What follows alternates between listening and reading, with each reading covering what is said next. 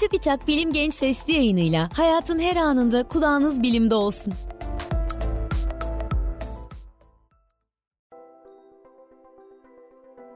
Herkese selam, ben Fatma Gönen, beslenme ve diyet uzmanıyım. Bilim Genç Sesli yayınının bu bölümünde sizlerle açlık hormonunu yani grelini konuşmak istiyorum. Vücudumuzda kilomuzu düzenlemeye yardımcı olan hormonlar bulunuyor. Açlık hormonu olarak bilinen grelin hormonu da bunlardan biri. Peki grelin hormonu kilomuzu nasıl etkiliyor? Grelin hormonu 1999 yılında keşfedildi. Temel olarak mide tarafından üretilen grelin beyin, bağırsak ve hipofiz bezi tarafından daha az miktarlarda salgılanıyor. Kan dolaşımı ile beyne ulaşan grelinin temel işlevi iştahı arttırmak. Bu sayede daha fazla yiyecek tüketmemizi, daha fazla enerji almamızı ve yağ depolamamızı sağlıyor. Grelinin beyne aç olduğumuzu söylemenin yanı sıra vücutta başka işlevleri de bulunuyor. Örneğin insülin salgılanmasını azaltarak kandaki glikoz seviyesinin düzenlenmesinde rol oynuyor. Enerji mekanizmasını düzenliyor. Kas liflerinin farklılaşmasını ve kaynaşmasını destekliyor. Kemik büyümesinin düzenlenmesinde rol alıyor. Ayrıca grelin metastatik yani başka dokulara geçmiş kanser hücreleri tarafından yüksek oranda salgılanıyor. Grelin, beynin hipotalamus adı verilen hormonları ve iştahı düzenlemeye yardımcı olan bölümünü etkiliyor. Grelin seviyesi ne kadar yüksekse o kadar aç, ne kadar düşükse o kadar tok hissedersiniz. Bu nedenle kilo vermek istiyorsanız grelin seviyenizi düşürmeniz faydalı olabilir. Kilo almakta zorluk çeken kişilerde ise grelin seviyesinin yüksek olması iştahın artmasına yardımcı olabilir. Grelin kilo alımı ile ilişkisi nedeniyle kulağa hoş gelen bir hormon olmasa da sağlıklı düzeyde salgılanan grelin vücut yağının korunmasına yardımcı olarak bedenin hayatta kalmasında rol oynuyor. Peki grelinin yükselmesine ne sebep olur? Grelin seviyesi genellikle mide boşken yükseliyor. Mide dolduktan kısa bir süre sonra azalıyor. Grelinin obezite oluşumundaki rolü halen araştırılıyor. Ancak bazı araştırmalar obezitesi olan kişilerde kalori alımının artmasına yol açan GHSR isimli bir grelin reseptörünün aşırı aktif olabileceğini gösteriyor. Yani obezitesi olan kişilerde grelin seviyesi daha yüksek olabiliyor. Bir başka araştırma ise tam tersini obez kişilerde grelin seviyesinin daha düşük olabileceğini söylüyor. Yani aslında bu konuda daha fazla araştırma gerekiyor. Ancak net olarak söyleyebiliyoruz ki grelin kilo vermenizi etkileyebiliyor. Obez olmasanız bile kilo vermek amacıyla diyete başladığınızda grelin seviyeniz yükselir. Sonuçta daha fazla aç hissedersiniz ve iştahınız artar. Aynı zamanda tokluk hormonu olarak bilinen leptin seviyeniz düşer.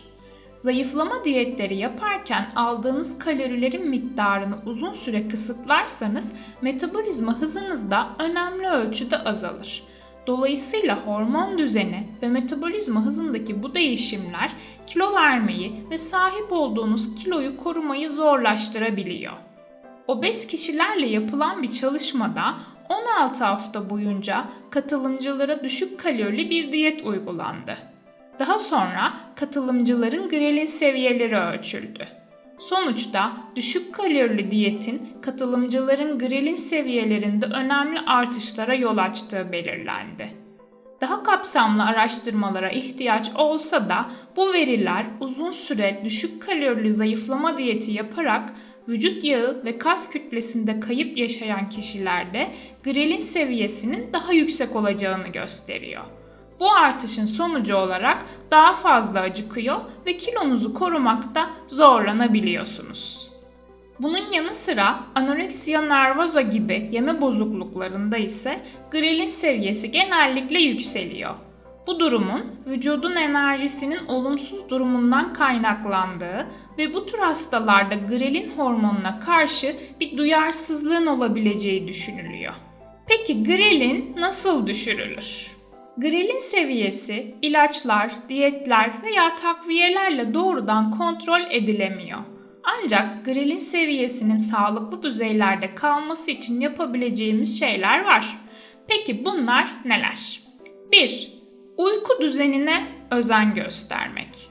Yetersiz uyku grelin seviyesini yükseltip açlık hissinin artmasına, dolayısıyla kilo alımına yol açabiliyor.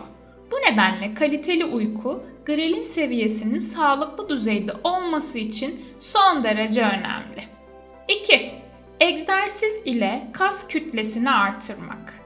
Vücudunuzdaki kas kütlesini arttırmak grelin seviyesinin daha düşük olmasına neden olabiliyor. 3. Protein açısından zengin beslenmek.